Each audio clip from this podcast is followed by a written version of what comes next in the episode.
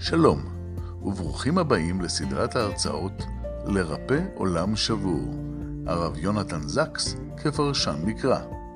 בכל שבוע תימסר הרצאה אקטואלית על פרשת השבוע, עם תובנות ופרשנויות לדרכו הייחודית של הרב זקס, זיכרונו לברכה. הסדרה מופקת על ידי עמותת החברה לחקר המקרא, מיסודו של דוד בן גוריון. והשבוע שיעור מספר 46 תרומת היהודים לעולם במשנתו של הרב זקס מאת הרבנית קרן מילר ג'קסון. אנו מאחלים לכם האזנה נעימה. אז לדבר הערב על אנטישמיות, אנטי ציונות והזהות היהודית בעולם על פי תורתו של הרב זקס. מה שמאוד מעניין אנחנו נראה שהנושא הזה בדרך כלל הרב זקס ממה שאני הכרתי בקריאה בכתביו הסתייג מלהיכנס לעניינים פוליטיים. הוא היה זהיר וחכם אולי והוא הצליח אני חושבת להביא את התורה שלו להרבה יותר אנשים בגלל שהוא לא שם את עצמו בקופסה פוליטית ואני חושבת שרק בסוף חייו היה עניין קטן פוליטי שנגיע אליו שהוא כן נכנס לענייניו בגלל שזה נגע באתגר של אנטישמיות אז זה משהו מאוד מעניין. כמו שאתם שומעים ראיתי שהיה, שכבר שמעתם כמה חברים וחברות שלי נכבדים ונכבדות שהם עצמם מאנגליה והיו אפילו קרובים או תלמידים של הרב זקס למרות שאני מניו יורק במקור בעלי מאנגליה אז זכיתי קצת להכיר את הקהילה שם ואיזה השפעה היה על הקהילה באנגליה מהרב זקס והבן שלי, אחד מהילדים שלי היה לו בר מצווה השנה בר מצווה של קוביד כמו שאומרים בגינה שלנו ויש לנו חבר יקר שהיה קרוב להרב זקס והוא נתן לו לבר מצווה שלו כל הספרים על חמשת חומשי תורה של הרב זקס פרשנות והרבה פעמים בשבת אנחנו קוראים ביחד וזה באמת תענוג ואני רק מרגישה שעם השנים אני רק יותר ויותר מעריכה את הרעיונות וה... והתורה של הרב זקס.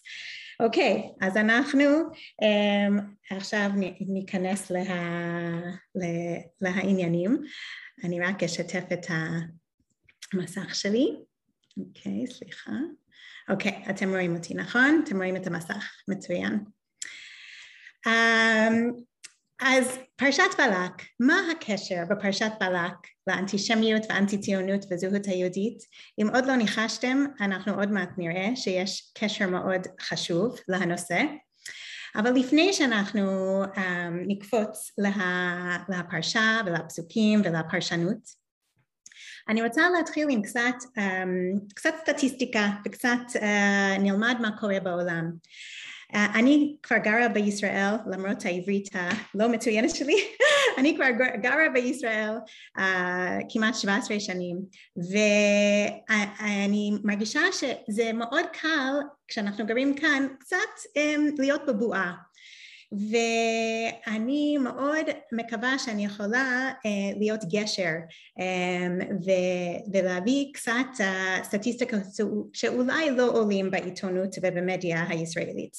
Um, יש ארגון בארצות הברית בשם ה-Anti-Defamation League, ADL, ש...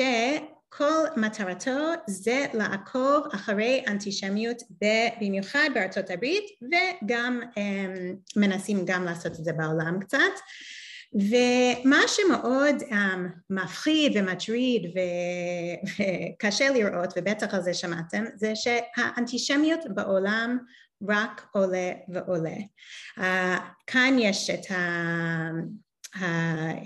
הטבלה הזאת שאפשר לראות שבשנת 2021 היה 2,717 מקרים של אנטישמיות בארצות הברית וזה עלייה של 34 אחוז משנה לפני והמספר הכי גבוה מאז 1979. אלו מספרים מאוד מפחידים. Uh, כמובן יש כל מיני סיבות, uh, כל הניכור והקיצוניות בפוליטיקה בארצות הברית וקצת בעולם וגם ה... כל מה שאפשר למצוא במדיה החברתית והעלייה של האלימות uh, בארצות הברית יש המון סיבות שאפשר uh, להסביר את זה אבל זה, אלו מספרים מאוד מאוד um, מפחידים. Um, הנה ג'ונתן גרינבלט, המנכ"ל של ADL, ומה שמאוד חשוב, שעכשיו אני רוצה לגעת בעניין הזה, זה שעד um, עד הקמת המדינה היה את המושג של אנטישמיות. Um, בעשור האחרון לפחות אולי יותר מה שאנחנו רואים זה שבעולם שלנו יש עדיין אנטישמיות באירופה, אנחנו שומעים הרבה, um, ובארצות הברית ובמקומות אחרות, אבל יש אנטישמיות um, מסוג חדש. ואפילו ג'ונתן גרינבלט שהוא אני חושבת היה מגדיר את עצמו כדמוקרט uh, בספקטרום הפוליטי בארצות הברית הוא עצמו אומר שאנטי ציונות זה באמת אנטי שמיות אז כל השאלה כאן כמובן אמ, בנושא הזה זה האם אפשר לבקר, להביא ביקורת על ישראל. זה נושא שמאוד בולט ביהודי, בקהילות יהודים בארצות הברית. אולי שמעתם על מה קרה um, באזור של הכותל השוויוני השבוע שעבר שהיו um, בר מצווה ובת מצווה, בני מצווה של קהילות לא אורתודוקסיות ושם איזשהו חבר'ה דתי um, בעייתי um, עשו ממש בלאגן שם והפריעו הרבה. uh, ויש לנו um, בעיה שכל הקהילות הלא אורתודוקסיים הרפורמים, ריקונסטרקשניסט, קונסרבטיביים בארצות הברית כבר הרבה שנים מרגישים שהם לא מחוברים למדינת ישראל והם מגדירים את עצמם כציונים ומצד שני אומרים שהציונות שלהם זה לבקר את ישראל עד שיהיה שלום. uh, ו, וזה עניין מאוד um, שמאוד, uh, יש המון מתח בין האורתודוקסים להלא אורתודוקסים בארצות הברית על העניין הזה אז, אז uh, אני חושבת שאחת מהשאלות בתוך, ה, בתוך ה, הנושא הזה זה מה, איך אנחנו מדברים על, מה זה אנטי ציונות, איפה הקו, איפה הגבול ואיך עוברים את זה. Um, uh, גם הרב זקס um, בשנים, uh, בשנים האחרונות לפני, לפני שהוא נפטר נכנס לשאלה האם אנטי ציונות זה באמת אנטישמיות? והוא עצמו מצוטט אמ, הוא אמר אנטי ציונות באמת זה אנטישמיות החדשה. אז אנחנו רואים שיש אנטישמיות, כמובן היה המון אנטישמיות בהיסטוריה, יש אנטישמיות, זה גל חדש של אנטישמיות בעולם, שעכשיו כבר, אמ, כבר המנהיגים שחוקרים את זה, ג'ונתן גרינבלט אה, אומר את זה בפירוש, זה משהו שחייבים uh, להגדיר ולשים לב um, שקיים בעולם. Um, כמו שאני uh, הזכרתי לפני, uh, הרב זקס ממש uh, הסתייג, הוא, הוא לא נכנס לעניינים פוליטיים גם בקהילות היהודיים באנגליה וגם בכלל, בפוליטיקה בכלל. Um, אבל כשג'רמי קורבין עלה והיה ממש פחד שהוא יגיע למצב של ראש, ראש ממשלה של אנגליה um, אני חושבת שהרב זקס הרגיש שהיה, הגיע הזמן עת, אם לא, כעת, לא לעת כזאת, uh, הגיע הזמן להגיד משהו. ו, והוא באמת um, עלה לבמה של המדיה ואמר קורבין הוא אנטישמי ואנחנו חייבים לעמוד כנגדו והקהילה היהודית וגם כל, ה, כל העם באנגליה חייבים לעמוד ו, um, ולא להצביע עבורו ולוודא שהוא לא ייכנס ל, ל, um, למקום הזה.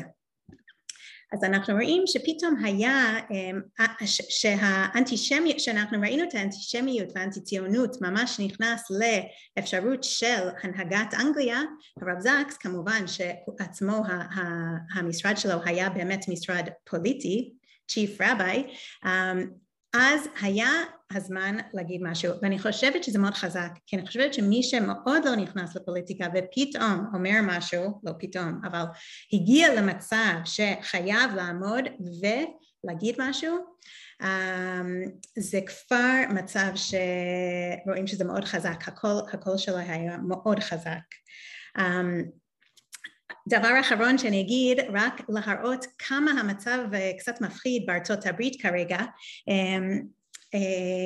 זה ממש טרי העניין הזה, אולי שמעתם, זה מפה של בוסטון, היה בחדשות שה-BDS, כל התנועה של להחרים את ישראל, לקחו מפה וסימנו איפה נמצא כל הקהילות וארגוני עמותי יהודיים בבוסטון כדי שאפשר לדעת עכשיו אמרו שזה כדי לדעת להחרים ומי נגד uh, להקים uh, מדינה פלסטינית אבל כמובן זה מאוד מפחיד. um, זה מאוד uh, זה כאילו מתנה למישהו שחס וחלילה חס וחלילה רוצה לעשות משהו um, טרגדי. אז, um, אז זה, זה כבר משהו שמדברים ממש עכשיו בחדשות בארצות הברית על העניין הזה ולא פשוט. אז זה קצת רקע, uh, כדי שעכשיו אנחנו יכולים לקפוץ להלימוד, אבל אני חושבת שעם הרקע הזה אנחנו יכולים עכשיו לראות, אנחנו uh, נתחיל לקרוא את uh, פרשת בלק, חלק מפרשת בלק, ואנחנו נראה שמה אני, אני רוצה להתמקד עליו הערב זה השאלה, um, זה השאלה האם um, uh, אנחנו נראה בנבואה של, um, של בלעם שהוא אומר משהו, יש פסוק מפורסם, הוא אומר הן עם לבדד ישכון ובגויים לא יתחשב. עכשיו השאלה שהפרשנות מתמודדת איתה היא האם זה אמירה um, שלילי או חיובי, האם זה ברכה או קללה? Um, והאם זה מדבר על um, אפילו על הרעיון שיהיה אנטישמיות בעולם? ואנחנו נראה איך שזה um, השפיע על פרשנים שונים במשך ההיסטוריה וכמובן אנחנו נגיע לתורתו של הרב זקס על הפסוק. um, אז נתחיל. פרשת במדבר וירא בלק בן ציפור את כל אשר עשה ישראל לאמורי ויגר מואב מפני העם מאוד כי רב הוא, ויקוץ מואב מפני בני ישראל. אוקיי, אז זה התחלה, בלק, עכשיו אנחנו רק כהקשר, בלק רואה, המלך, המלך בלק עכשיו בפחד, בגלל שהוא רואה שעם ישראל, שבני ישראל כרגע נראים מאוד חזקים. הם הצליחו לברוח ממצרים, לצאת ממצרים, שמעו על הניסים, ועכשיו אפילו הצליחו לנצח um, נגד, נגד, נגד האמורי ועכשיו הוא פוחד, הוא פוחד מה יהיה, האם הם ירצו גם להילחם נגדו? והוא ממש במצב של פחד. אז הוא מביא um, קוסם בשם בלעם uh, להתמודד עם, ה, עם הפחד, עם הבעיה ו, ועם האיום. למרות שאין איום, um, אבל הוא פוחד. ובתוך, ה... עכשיו, עכשיו יש, אני לא אביא את כל הפסוקים, אבל יש את ה... שבטח אתם אה, מומחים במקרא, בטח אתם יודעים שכמה פעמים בלק קורא לבלעם והשם אומר לבלעם לא ללכת אליו ואז אמר כן ללכת אליו אבל רק להקשיב לדברי האלוקים ולא לדברי בלק. ויש את הפרשש עם האתון ובסוף אלו חלק מהמילים שאמורים להיות קללה מדברי בלעם, אבל הגמרא אומרת לנו, מלמד אותנו, שכל דברי בלעם שהוא רצה שהם יהיו קללה, אבל בסוף הפכו לברכה. וזה חלק מה, מהברכות האלו, או הקללות. כי מראש צורים אראנו ומגבעות אשורנו, הן עם לבדד ישכון ובגויים לא יתחשב. עכשיו, זה באמת סימן שאלה, האם זה באמת ברכה להגיד את המילים האלו? מה הברכה כאן? להגיד שעם ישראל יחיו בבדידות, אמ, שהם יהיו אמ, נפרדים. אמ, ומה הברכה במילים בגאים לא יתחשב, לא יתחשב, מה הברכה כאן? Uh, בסוף החלק הזה כתוב ויאמר בלק אל בלעם מה עשית לי? לקוב אויביי לקחתיך והנה ברכת ברך ברך. ויען ויאמר הלא את אשר ישים השם בפי אותו אשמור לדבר. okay, אז, אז אפילו בלק רואה בזה ברכה. אומרים שזה ברכה. אבל um, הפרשנים uh, מסתבכים ולא מבינים מה בדיוק הברכה כאן כי מצד אחד אפשר לקרוא את זה כברכה שבאמת עם ישראל יהיו נבדלים, אמ, אולי זה טוב לא להתחשב בגויים, אבל גם אפשר לראות את זה כקללה, שאנחנו תמיד יהיו נפרדים ושלאורך ההיסטוריה אנחנו לא יהיו אה, נחשבים, שאנחנו תמיד יהיו אה, אפילו אמ, במצב של אה, חולשה. אמ, גם בהפטרה של פרשת בלק אנחנו רואים קצת את המתח הזה בין. החולשה להחוזק, מה בדיוק כאן הקללה, הברכה, זה קצת לא ברור. אמ, בפרק ה' פסוק ז' כתוב בהתחלת אמ, ההפטרה והיה שארית יעקב בקרב עמים רבים כטל מאת השם כרביבים עלי עשב אשר לא יקווה לאיש ולא ייחל לבני אדם והיה שארית יעקב בגויים בקרב עמים רבים כאריה בבהמות יער כחביר בעדרי צאן אשר אם עבר ורמס וטרף ואין מציל. גם כאן אנחנו מרגישים את המתח הזה של חוזק, עם ישראל איזשהו עם סגולה, משהו מיוחד, לבין אה, זה לא בדיוק ברכה מה, ש, מה שנאמר כאן. Um, כבר במדרש אנחנו רואים בילקוט שמעוני למרות שזה מדרש קצת מאוחר זה משקף מדרשים יותר עתיקים. הילקוט שמעוני כבר נותן לנו טעם של חלק מהדברים שאנחנו נמצא בפרשנים. הן עם לבדד ישכון מובדלים הן מן עובדי האלילים בכל דבר בלבושיהן ובמאכלן ובגופיהן ובפתחיהן. אז כבר בפרשנות כאן אנחנו רואים אפילו בפרשנות יש את המתח הזה, שיש כאן גם ברכה וגם קללה, וזה תלוי איך מסתכלים על זה. אפשר להגיד שהרבה מהתורה באמת שם אותנו במצב של נפרד, הלכות כשרות, אמ, הלכות שבת, זה, זה, זה built into, זה, זה כבר מובנה בפנים את הרעיון הזה שאנחנו נהיה שונה, נהיה נפרד. אה, אבל זה גם אה, יכול להיות לרע, כי אם אנחנו תמיד נפרד ותמיד שונים וגם לא כל כך בקשר ובחיבור עם, ה, עם אנושות, עם עמים אחרים, זה יכול להביא לניכור ולרעיונות uh, של, um, של שנאה ואי הבנה. אז um, עדיין יש לנו את, ה, את המתח והשאלה Um, עכשיו אני רוצה לקחת uh, קצת, um, um, אנחנו נעשה קצת uh, סיור בנושא קצת אחר אבל שייך.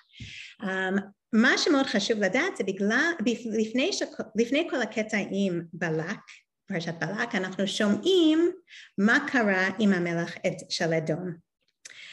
אז כאן אנחנו נכנסים לשאלה של עם אחר, וכתוב בבמדבר פרק כ' שמשה ובני ישראל מנסים אה, אה, ללכת, לנסוע דרך, דרך אדום. ואדום לא מרשה, לא נותן להם להיכנס, אוקיי? בפסוק י"ד, וישלח משה מלאכים מקדש על מלך אדום. כה אמר אחיך ישראל, אתה ידעת את כל התלאה אשר מצאתנו. ו... ועוד, וירדו אבותינו ממצרימה ונשב במצרים ימים רבים, ויראו לנו מצרים לאבותינו, ונצעק אל השם וישמע קולנו וישלח מלאך ויוציאנו ממצרים, והנה אנחנו וקדש עיר קצה גבוליך. נעברה נא בארצך, לא נעבור בשדה ובחרם ולא נשתה מי ואר דרך המלך נלך, לא ניטה ימין ושמאל עד אשר נעבור גבולך, גבולך. משה אומר אנחנו לא רוצים um, בעיות, אנחנו לא רוצים להילחם, אנחנו לא רוצים לכבוש, אנחנו רק רוצים לעבור. אבל וימאן אדום נתון את ישראל עבור בגבולו ויית ישראל מאליו. הם לא נותנים להם להיכנס. אז אני רוצה גם um, לעשות קצת הפסקה ולחשוב שנייה על, על uh, ממלכת אדום. ולהראות שבתנ"ך, במקרא, הרבה פעמים העמים הם לא רק, הם לא רק עמים, לפני שהם עמים יש הרבה פעמים הם באמת איש או אישיות במקרא. אנחנו יודעים שישמעאל הופך לאסלאם ועשו הופך לרומא בנצרות ו... סליחה,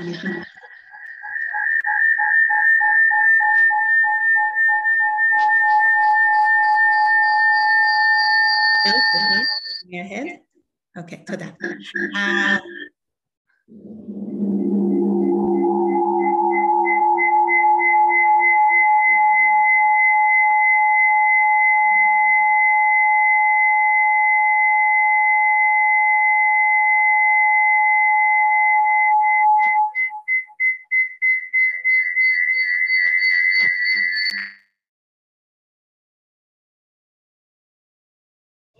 אוקיי, תנסי שוב, כנראה מישהו לידך כן. פתח מיקרופון, אז פתאום נהיו צפצופים. אוקיי. ננסה שוב. אין אף אחד על ידי, מוזר. אוקיי, אז אמ, כן, אז אני רוצה להיכנס לנושא הזה של אמ, ההתפתחות, איך, איך במקרא אמ, עם אחד הולך להתפתח ו, ומתקשר בהיסטוריה לעם שלם ואיך זה משפיע. אז עשו um, כמובן ש... שאנחנו um, מכירים כקשרים, כ... כהתחלת אדום. Um, כשאנחנו מגיעים בתקופ... לתקופת חז"ל, לתקופת התלמוד, עשו um, ועם זאת אדום מזדה... מזדהים כ... כברומא. וכמובן בתקופת חז"ל, תקופת החכמים בתלמוד, רומא הייתה האיום, אמ, האימפריה עם כל החוזק בעולם. ו, וכמובן הזמנים, התקופות היו כמו הרבה תקופות בהיסטוריה מגוונות. היו תקופות ושנים יותר טובים תחת רומא והיו תקופות הרבה פחות טובים תחת רומא. ואנחנו רואים שהמקורות בתלמוד באמת משמרים לנו את, ה, את, ה, את שני הפנים האלו של, ה, של רומא.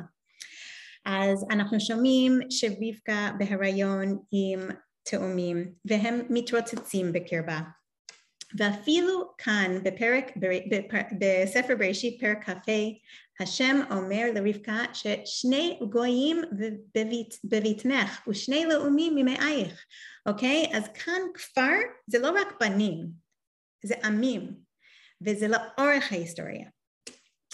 Um, כמובן במקור חמש בספר בראשית כתוב ויגש יעקב אל יצחק אביו וימושהו ויאמר הכל כל יעקב והידיים ידי עשיו כשיעקב בא uh, לקבל את הברכה שבאמת uh, היה אמור uh, להגיע לעשו, הביטוי הזה הכל כל יעקב והידיים ידי עשו אנחנו נראה בעוד שנייה um, כנראה יש השלכות מאוד להמון דורות לה, להביטוי, להפסוק. Um, בסוף בראשית אנחנו כבר שומעים בפירוש שעשב הוא אדום um, ושעשב יושב בהר שעיר שהוא אדום. אז כאן בספר בראשית כבר עשב ואדום מזדהים כאחד. איך אנחנו קופצים מהעובדה שאדום, שאדום הוא עשב לעשב הוא אדם הוא רומא זה כבר הרבה קפיצות. um, כמובן רומא לא נמצא um, בארץ אדום. uh, עם זאת הם כן um, שולטים על, על אזור מאוד גדול עם, שכולל מזרח התיכון אז uh, יכול להיות שזה היה חלק אבל אני חושבת שהחכמים שה, משתמשים הם רואים um, כאן הם יודעים שיהיה את העימות בין העמים וזה בדיוק מה שהם מרגישים בתקופה שלהם. והנה אנחנו רואים ב... אוי סליחה שכחתי לכתוב תלמוד בבלי גיטין, מסכת גיטין, כתוב um, שמפרשים את הפסוק הכל כל יעקב והידיים ידי עשיו הכל זה אדריאנוס קיסר שהרג באלכזנדריה של מצרים שישים ריבו על שישים ריבו כפליים כיוצאי מצרים. אוקיי? כל יעקב זה אספסיינוס קיסר שהרג בכרך ביתר ארבע מאות ריבו.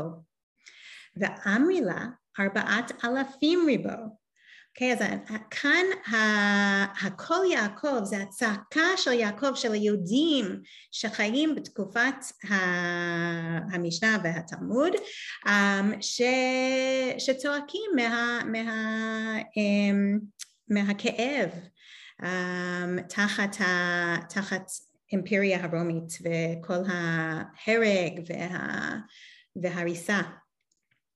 Um, עם זאת יש גם בידיים ידי עשיו זו מלכות הרשעה שהחריבה את בתינו ושרפה את היכלנו והגליתנו מארצנו.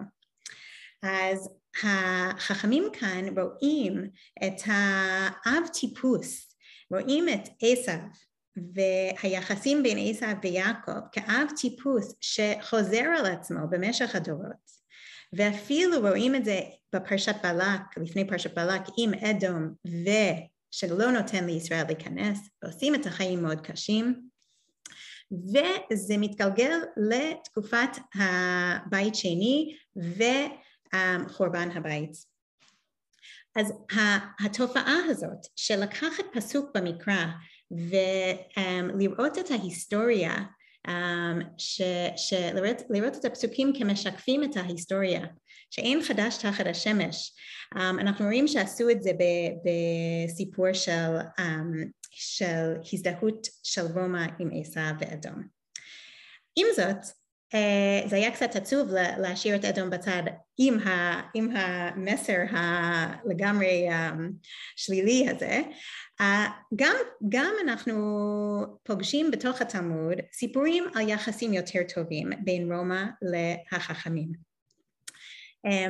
רבי יהודה הנשיא, עורך המשנה, היה לו קשר מאוד טוב עם מנהיג רומי אחד, עם, לא בדיוק יודעים בדיוק מי זה, אבל חושבים שזה היה אנטונינוס פיוס, פיוס, שהיה אחד מהמנהיגים הרומאים, וכאן אנחנו שומעים גם שלוקחים את הפסוקים על עשיו למקום אחר, אבל לפירוש אחר.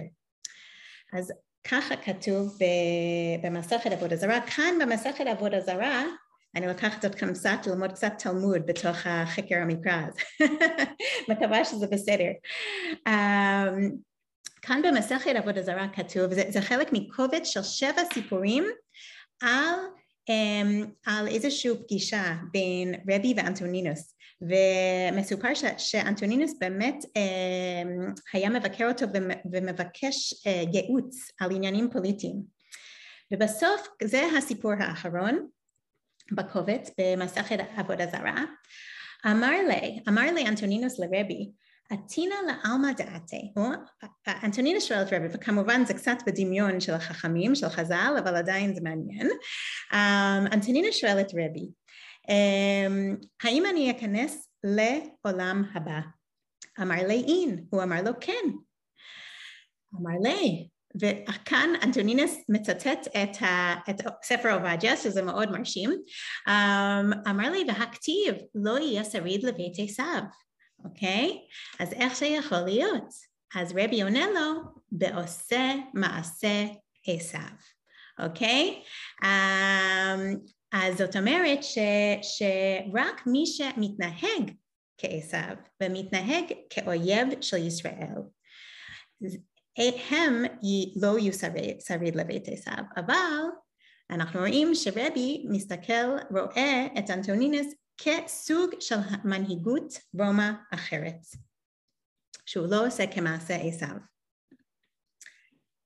Um, אוקיי, okay, אז עם הסיור, קצת סיור לאדום ורומא, אני רק רציתי להראות, uh, להראות לכם שיש את המודל הזה, יש את התופעה הזאת שלוקחים את האישיות מהתנ"ך ורואים שההיסטוריה, אפשר לשקף מה קורה בהיסטוריה ו- ולחזור לתנ"ך לראות את, ה- את הגרעינים של זה, את ה- אולי זה הזהיר אותנו, ואני חושבת אותו עניין קורה עם, uh, בפרשת בלק, עם הפסוק שאנחנו עכשיו um, הולכים לחזור אליו, וזה הן עם לבדד ישכון ובגויים לא יתחשב.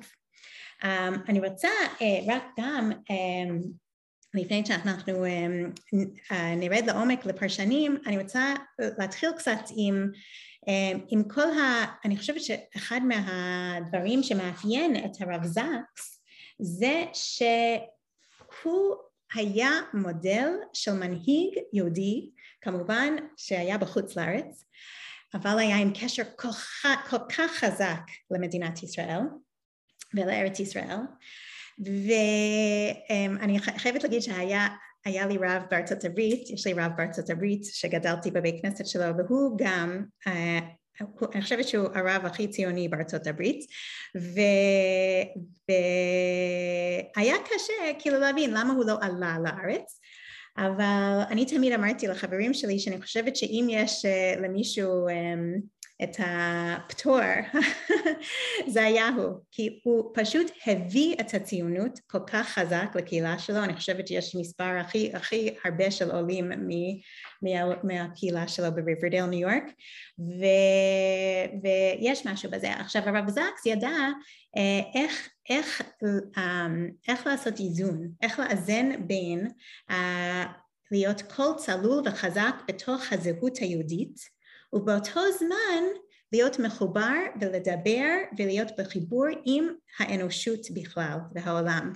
ואני חושבת שזה לא, כל ה... Um, באנגלית אומרים הפרטיקולריזם ואוניברסליזם, זה, זה, זה איזון לא פשוט um, ו, ואני חושבת שהוא באמת um, מודל מדהים. אז עכשיו אנחנו נראה כמה קולות שונים, איך להבין האם זה ברכה או האם זה קללה, מה, מה האמירה, מה הפסוק מנסה להגיד לנו. נתחיל עם תרגום אונקלוס, כמובן יש כמה תרגומים לתנ"ך, תרגום אונקלוס um, הכי פשטני ביניהם, um, וכאן אפילו בתרגום אונקלוס אנחנו רואים קצת, uh, קצת um, פרשנות. Uh, כתוב ככה העמה בלכודי הון, עתידין דיחסנון עלמא. אז כאן אנחנו רואים שתרגום אונקלוס אומר, ואנחנו נראה שיש um, קבוצה של פרשנים ש, שבאותו uh, כיוון, um, שזאת אומרת שאנחנו נהיה אנחנו נהיה לחוד, לבד, עם לבד, ובעממיה לא יתעננון גמירה, וזאת אומרת שאנחנו um, אנחנו לא um, נעלם בתוך העם, אנחנו לא נתעלם בתוך העמים, אנחנו, אנחנו יישאר, אנחנו יחיו, אנחנו יחיה לעולם, זה ההבטחה כאן. אז, אז זה באמת נשמע, אפשר להגדיר את זה כברכה.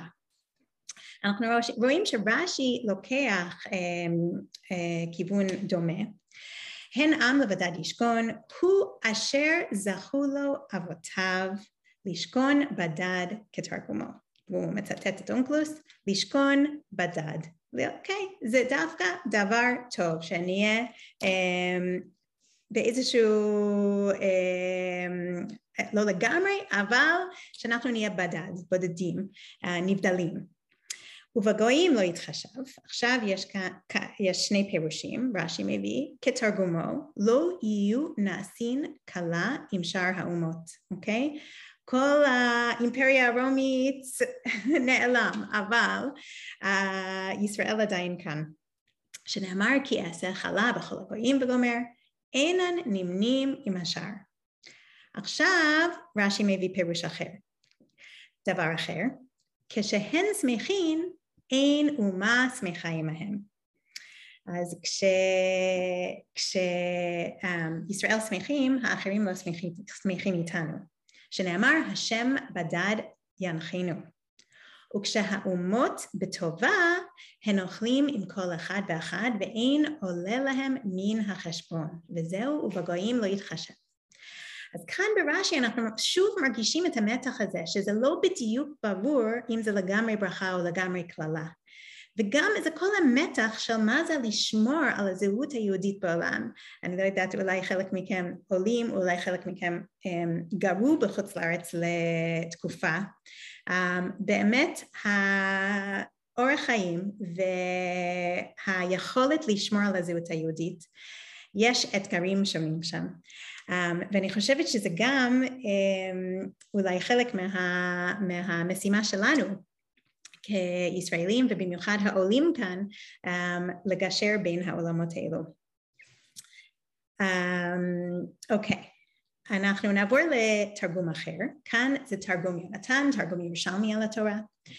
Uh, זה קצת, uh, זה קצת הרבה, אז אני רק רוצה להדגיש כמה, קצת הרבה ארמית, אז אני אדגיש um, טיפה מן הרעיונות כאן, שתרגום ירושלמי באמת לוקח את, ה, um, את הרעיון הזה שבאמת אנחנו נהיה, הוא, הוא לוקח את זה למקום שראינו בילקוט שמעוני בהתחלה, ש... העם לבדד זאת אומרת שאנחנו אמורים להיות נבדלים, אוקיי? אנחנו, וזה גם כמובן באוזניים שלנו אנחנו בטח הולכים למקום של קבוצות של יהודים היום ש, אמ, ש, שדווקא מנסים לחיות לבד ובבועות שלהם ולא להיות um, מחוברים לקהילות אחרות כי הם רוצים לשמור שככה הם ישמרו על ההבטחה שהם יהיו עם סגולה ועם ישראל. אז לדוגמה הוא אומר um, uh, בזכות אהבת הון צדקיה ובזכות אימת הון uh, גם שככה העם היו בלכודי הון, אוקיי? ככה אנחנו um, um, אנחנו נחיה ונמשיך. אז זה uh, כיוון אחר. עוד מעט אנחנו אה, נגיע לעידן היותר מודרני ונראה דברים קצת יותר ש, שמקשרים לעניינים שבו התחלנו. אוקיי, okay, הפירוש של הבחור שור, קצת יותר מודרני גם, לבדד ישכון, לבדד ישכון, כלומר לבטח ישכון. אז כאן זה מוגדר כלא שאנחנו נהיה נבדלים ונפרדים ו... ולא מחוברים לעמים אחרים, אלא שזה הבטחה וזה באמת ברכה, שאנחנו ביטחון, זה, זה ברכה באמת, אני מברכת את כולנו uh, במדינת יעל, שאנחנו נשב לבטח, נשכון לבטח. Um, אוקיי, okay. ו, um, והוא מוסיף, דמי שאינו ירא כלום, יושב בדד ואינו צריך חבורה. עכשיו, איך הוא מגדיר את החלק השני של הפסוק? ובגויים לא יתחשב, אינם נחשבים כשאר גויים שיכול אדם לקללם. אז כאן הבחור שר באמת רואה את זה כקללה שהפכה לברכה um, ו, ושאפילו המילים שהפשט שלהם נראה קצת בעייתי שאנחנו לא נתחשב בגויים הוא באמת לוקח את זה במקום של, של חיוביות שאי אפשר לפגוע בנו שעם ישראל um, מובטחת והקדוש ברוך הוא שומר עלינו. עכשיו אני רוצה uh, להתקדם כמה שנים למאה ה-19. במאה ה-19 אנחנו רואים ש, שיש שוב הזדהות עם המילים האלו בעולם של הרבנים, במיוחד המלבים. המלבים שגר באימפריה הרוסית במאה ה-19, רבי מאיר ליבוש בן יחיאל, מיכל וייזר, זה, זה קורא, לא, אנחנו מבינים למה קראו לו המלבים, עם שם כל כך ארוך. Um, הוא uh, גר, הוא, הוא חי בתקופה שיש באמת איום על, על הקהילה האורתודוקסית um, מהרפורמים ומההתבוללות. זה באמת כבר בעולם המודרנית, יש הרבה יותר חילוניות והתבוללות. וכאן בתוך המילים שלו אנחנו נשמע שהוא רואה באמת ברכה בתוך, ה, בתוך המילים האלו, אבל בצורה שמשקף גם את, ה, את החוויה וניסיון של החיים שלו היום יום. הן עם לבדד ישכון, שאינם כשאר אומות הקדומות שהתערבו בם אומות אחרות ובטל יחוסם. וגם אם לא נתערבו זרים בתוכם, הם דומים במנהגיהם ובאים עמהם בחשבון אחד, כי אין הבדל ביניהם. כי הם עם לבדד ישכון, שלא נתערבו זרים בתוכם.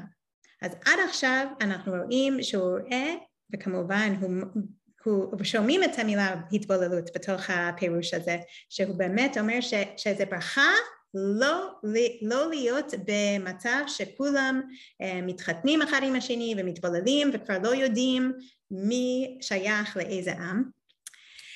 Um, ולחלק השני הוא אומר וגם בגויים לא יתחשב בחשבון אחד כי הם נבלים בכל דבר ולא באו בחשבון של גויי הארץ הקדומים. אז, um, אז הוא באמת לוקח את זה למקום של שמירת הזהות היהודית, אבל בדרך של, um, של סגירה, של לא להיות um, ביחד עם העמים האחרים, שצריכים להבדיל ביניהם, לשים את עצמנו, um, להבדיל, להבדיל בין עצמנו להם. גם בכתביו של הנציב, בפירושו על התורה, העמק דבר, אנחנו רואים um, פירוש דומה ואנחנו באמת שומעים את הקולות האלו וזה כמובן אני, זה, זה קשה לא לקחת את זה למקום של הדת.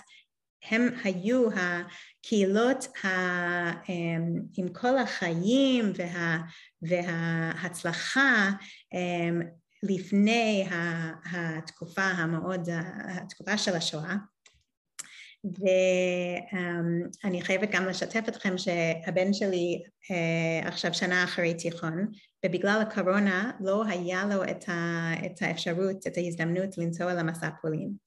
ו, והיה לו, ואז השנה כמה הורים וכמה, והבית ספר ארגנו משהו פרטי. למרות שיש כל ה... בטח קראתם בחדשות על כל ה... כל הבעיות וכל המתחים עם, עם פולין והממשלה והכל ולפני שבוע הוא היה והוא חזר והוא הראה לי את תמונות והוא בדיוק הראה לי את, ה, את הקבר של, של הנציב ובאמת חשבתי על זה כשהבאתי את המילים האלו אמ, שזה היה כמובן לפני השואה. הן עם לבדד שישכון, לא כדרך כל אומה ולשון כשהולכים בגולה ומתערבים אם, אם, אם המגלים אותם, משיגים בזה אהבה וחשיבות כל אחד בעיניהם יותר משהיו נפרדים מהם. אבל לא כן עם ישראל כשהוא לבדד, ואינו מתערב עמהם, ישכון במנוחה ובכבוד, בכבוד. וראו כל עמי הארץ כי, שם השם נקרא עליו ואין איש מתחרה עמו. אז רק כשעם ישראל שומרים על הזהות שלהם ונשארים לבדד, אה, ככה הם יישארו עם סגולה. עכשיו, אה, כמובן זה, זה, טוב, אני אמשיך. ובגויים, כאשר הוא רוצה להיות מעורב עמם, לא יתחשב, אין הוא נחשב בעינם להתחשב כלל לאדם. אז אנחנו רואים באמת פירושים שלמרות שזה נכנס לעידן ההשכלה והמודרנית, אלו, אנחנו רואים כאן את הפרשנות שעדיין מדגיש ומעודד את, ה, את, ה, את, ה, את האפשרות להיות בדד, שזה הכי טוב. עכשיו אני רוצה לקחת אותנו לחושב יותר um, מה, מהתקופה שלנו, יותר עכשווי, וזה um, הרב יעקב נגן, אולי, אולי שמעתם אותו, um, גר בעתניאל, uh, מלמד בעתניאל, uh, ומה שמאפיין אותו זה שהוא רב, הוא גם היה um, מורה שלי, um, הוא, um, הוא עובד ועושה המון um, דו-שיח עם um, מנהיגים דתיים uh, מהעם הפלסטיני ו- ומעמים אחרים. אז, um, אז המפגש הבין דתי מאוד מעניין אותו. אז אנחנו נראה עכשיו איך, לאן הוא לוקח את הפסוק הן עם לבדד ישכון ובגויים לא יתחשב למקום, אני חושבת שאנחנו נראה בתקופה שלנו סוף סוף אולי בגלל הביטחון עצמי כאנשים, יש עולים, הוא גם עלה מארצות הברית, אבל כאנשים, ש, כ, כישראלים שיש לנו את המדינה שלנו והזהות שלנו כל כך חזק, שעכשיו אולי זה העידן שאנחנו יכולים um, לעשות קצת um, um, חיבור בין, ה, בין ה, הברכה והקללה הזה. רבים מוצאים בדברי בלעם המופיעים בפרשת בלק אמירה מכוננת בכל הקשור ליחסים בין ישראל לכלל האנושות. במבט ראשון נראה מדבריו שבין ישראל לשאר העמים שוררים יחסי ניכור והיבדלות.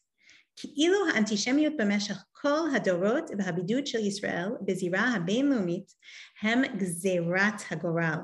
אכן, מצוות התורה יוצרות בידול, הקפדה על כשרות ושבת מקשה לאכול את על מי שאינו יהודי, או לבלות עמו ויוצרת תחושת בידול ממנו, ולא כל שכן האיסור להתחתן עמו. אפשר להבחין שגם בעברית הארץ ישראלית המדוברת יש לדבר ביטוי, לא רק בעולם המושגים היהודי, שהרי בלשוננו העולם נחלק לשניים, ישראל וחוץ לארץ. ולחוץ לארץ יש קונוטציה שלילית. מי שמהגר לישראל נקרא עולה, ואילו המהגר ממנה נקרא יורד. הצנע, ועכשיו אני um, קופצת לקצת um, מאוחר יותר במאמר, הצלחנו לממש את השלב הזה והגענו למקומנו. השלב הבא הוא לשנות את הכיוון מן הפנים כלפי חוץ, מישראל כלפי העולם. אמנם הדבר דורש שינוי מנטלי, אבל למעשה זה המשך של אותו הדבר שהרי השיבה לציון אין הייעוד בפני עצמו, אלא היא תנאי לאפשר את קיומו של הייעוד. וכאן אני אזכיר כמובן את הביטוי שאנחנו uh, יודעים מהנאומים של דוד בן גוריון ו, um, והציונים אחרים ההיסטוריה לא פינקה אותנו בכוח, באושר, בשטחים רחבים וברוב עם, אבל היא העניקה לנו תכונה מוסרית ואינטלקטואלית בלתי מצויה, והיא מזכה ומחייבת אותנו להיות אור לגויים. אז עכשיו uh, פתאום אנחנו לוקחים את העם לבדד ישכון למקום אפילו אחר. זה לא שאנחנו צריכים להיות נבדלים, וזה לא שאנחנו um, יהיו לבטח בעולם. זה שעכשיו שאנחנו לבטח, יש לנו משימה, והמשימה היא uh, להביא את האור, להביא את, ה, להביא את ה, um, הערכים שאולי אפשר לעשות יותר טוב בעולם וצדק בעולם ואני אומרת את זה, אני יודעת שיש, יש, אמ, אפשר לפרש את המילים שלי אה, בצורה קצת, אה, יש קצת פטרונזציה, ש, שיש בזה קצת, אה, אנחנו הגבוהים ואנחנו מלמד אותנו, אבל אני חושבת שזה חלק מהדו-שיח, שאנחנו נבין שאפשר גם ללמוד מאנשים אחרים בעולם, אמ, אבל לא לראות את עצמנו כעדיף להיות אמ, לחוד, עדיף להיות נבדלים, אלא יש לנו מה לתרום לעולם. ואני חושבת שזה חלק מהאתגר שלנו כאן, כי עם, עם, עם השנים כשאני גרה כאן, אני לפעמים בתוך מה שאני כותבת על הפרשה, אני באמת מנסה כל הזמן לקשר בין הקוראים שלי כאן לקוראים שלי בחוץ לארץ. לדוגמה, רק השבוע בטח שמעתם על ה-4th of July, היה פיגוע נוראי בשיקגו, גם קרוב לקהילה היהודית שמה, ופשוט לפעמים זה, זה נרגש רחוק, אבל כמובן זה מאוד קרוב, um, כי אם זה נמצא בעולם, זה העולם עכשיו הרבה יותר קטן. אני רוצה לסיים עם um, כתביו של הרב זקס. אני חייבת להגיד שלא מצאתי את זה בעברית, מצאתי רק באנגלית, uh, ועשיתי תרגום לא מצוינת, אז אני מצטערת, אני מקווה שזה באמת uh, יצליח לבטא ולהעביר את המסר שלו, אני חושבת שכן. Um, כך אומר על לבדד ישכון, התבוללות אינה תרופה לאנטישמיות. כאן הוא לוקח את זה, הוא, הוא כותב על, על האופציה הזו שאפשר לקרוא את העם לבדד ישכון כבאמת um, uh, הכרעת גורל, שאנחנו נהיה תמיד את, ה, את ה, um, um, אלו שסובלים מאנטישמיות בעולם.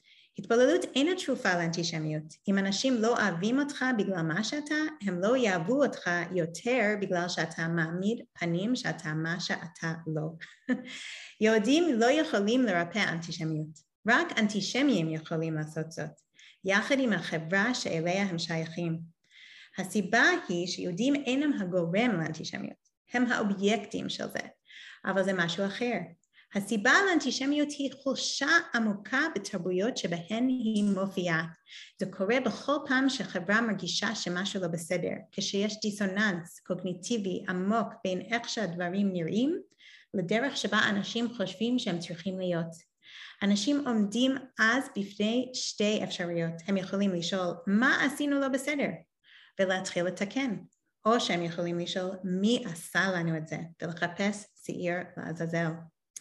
יהודים תמיד היו המעצבנים של האימפריות בגלל התעקשותנו על כבוד הפרט וחירותו. אנטישמיות היא, היא הנשימה האחרונה של, היא או הנשימה האחרונה של תרבות בדיחה, או סימן האזהרה הראשון של, טוטליטר, של טוטליטריות חדשה.